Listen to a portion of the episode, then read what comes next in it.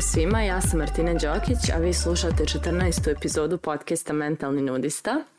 U ovoj epizodi bavimo se temom koja se zove smrdili, smrdili vam emocije, odnosno simbolično rečeno da li redovno čistite svoje emocije i svoje mentalna stanja ili im dozvoljavate da se usmrde, tako reći, odnosno da krenu da utiču i na ostale emocije i stanja kroz koja prolazite u nekom datom trenutku, jer neku prethodnu emociju niste očistili ili tu je i kontaminira sve ostalo. E, tema mentalne i emocionalne higijene nije nešto što je tema kojom smo se bavili ni u osnovnoj ni u srednjoj školi, Čak smo u osnovnoj i srednjoj imali fizičko vaspitanje, ali mentalno i emotivno vaspitanje nam nije niko dao. E, malo ko je to imao i kod kuće, čast izuzecima i svaka im čast ako su to imali. A tema je koja je bukvalno onako važnija čak i od ove fizičke higijene. Jer džaba, džaba što smo i našminkani i namirisani u dobrim krpicama ako nešto unutar nas nije počišćeno i tako reći smrdi.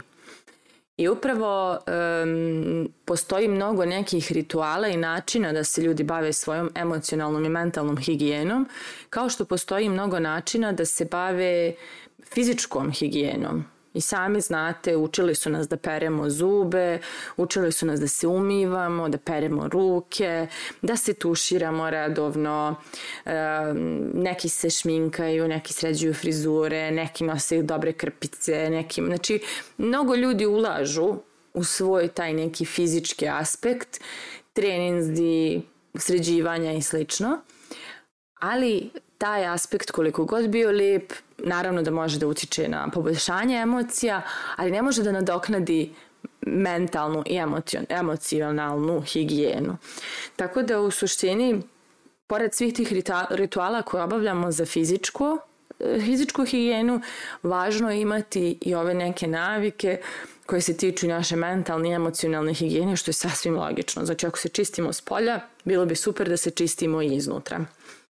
E što, što to zapravo znači čistiti se iznutra? Znači da nije prirodno i nije zdravo da mi neke uh, izazovne stresove, emocije, zamjerke, ljutnje nosamo tako u sebi okolo, frustracije, zaboravila sam frustracije, njih je jako mnogo. Nije prirodno da mi to sve tako nosamo okolo i tako reći živimo i funkcionišemo s tim, a to u nama stoji i što duže stoji, to je sve sve više zahtjeva da bude primjećeno, a kako bih vam rekla, ako to nešto stoji u nama, e, svaka naredna stvar koja je iole stresna ili, ili frustrirajuća se tovari dodatno na to nešto što već postoji. Znači, to postojeće, po, da kažem, pod, e, podgrijeva dodatno i ovo nešto novo što dolazi.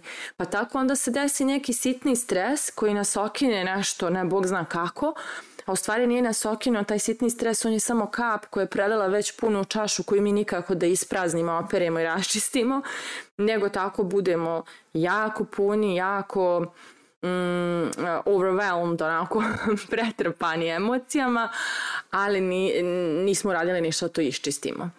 I sad, um, kao što je ova fizička higijena zahtjeva ne, ne, redovnu njegu i brigu, da, jeli, jer ako se ne tuširamo duže vremena, počet ćemo da smrduckamo. I mi možemo da stavljamo parfem preko toga koliko god hoćemo, naš smrad, smrad će i dalje da bude tu. I ko nam priđe bliže osjetit će da iza tog parfema se osjeća i neki smrad. E tako je i emotivno.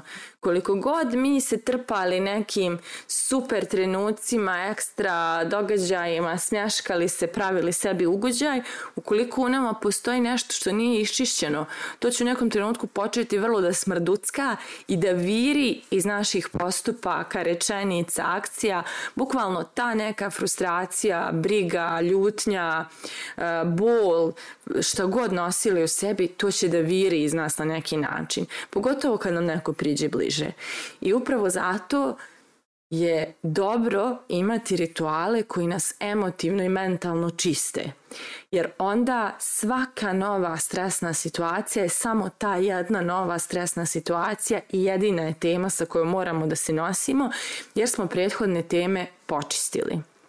Znači ne hodamo okolo bukvalno pretrpani situacijama, raščišćenim odnosima, neizgovorenim riječima, nezaokruženim nekim neodbolovanim tugama i slično, nego smo sve počistili i sada novi dan donosi, da kažem, novi zalogaj i lepih i izazovnih stvari i imamo dovoljno kapaciteta da se bavimo jednima i drugima u tom samom trenutku.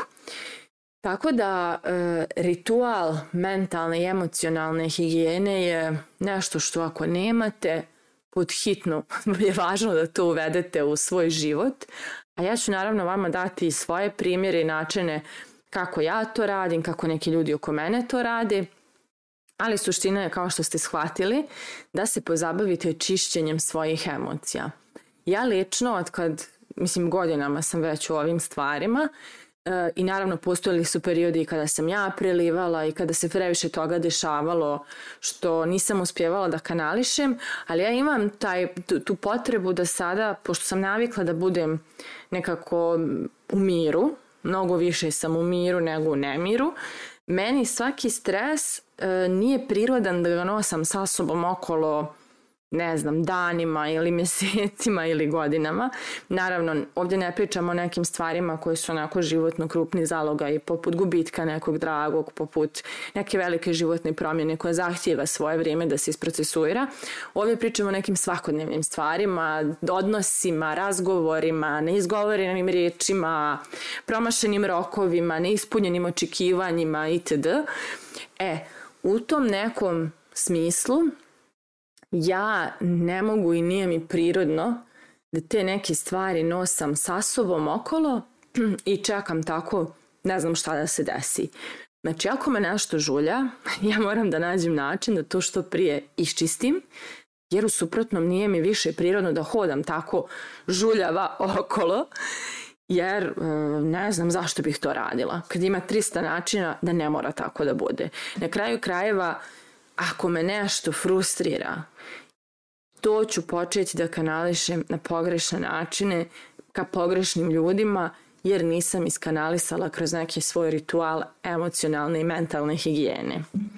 Ja lično sam imala dosta faza u životu kada me muka natjerala da moram da počnem sa nečim što će mi pomoći da iskanališem svoje emocije i stanja kako bih se iščistila i tako sam pre nekih pet godina imala jednu baš krupnu fazu životnu koja se ticala liječenja nekih jako krupnih stvari u mom unutrašnjem djetetu i tada se otvorio čitav jedan dio mene koji je bio i ranjen i bjesan i povrijeđen i odbačen i svakakav i iz mene je izlazilo sve i svašta u tom periodu. Ja u tom periodu nisam bila za ljude, sreće imam svog psa koji je savršeno društvo kada niste za samoću, a niste za ljude I toliko je iz mene svašta izlazilo da sam ja morala da se uhvatim nekog načina da sebi pomognem.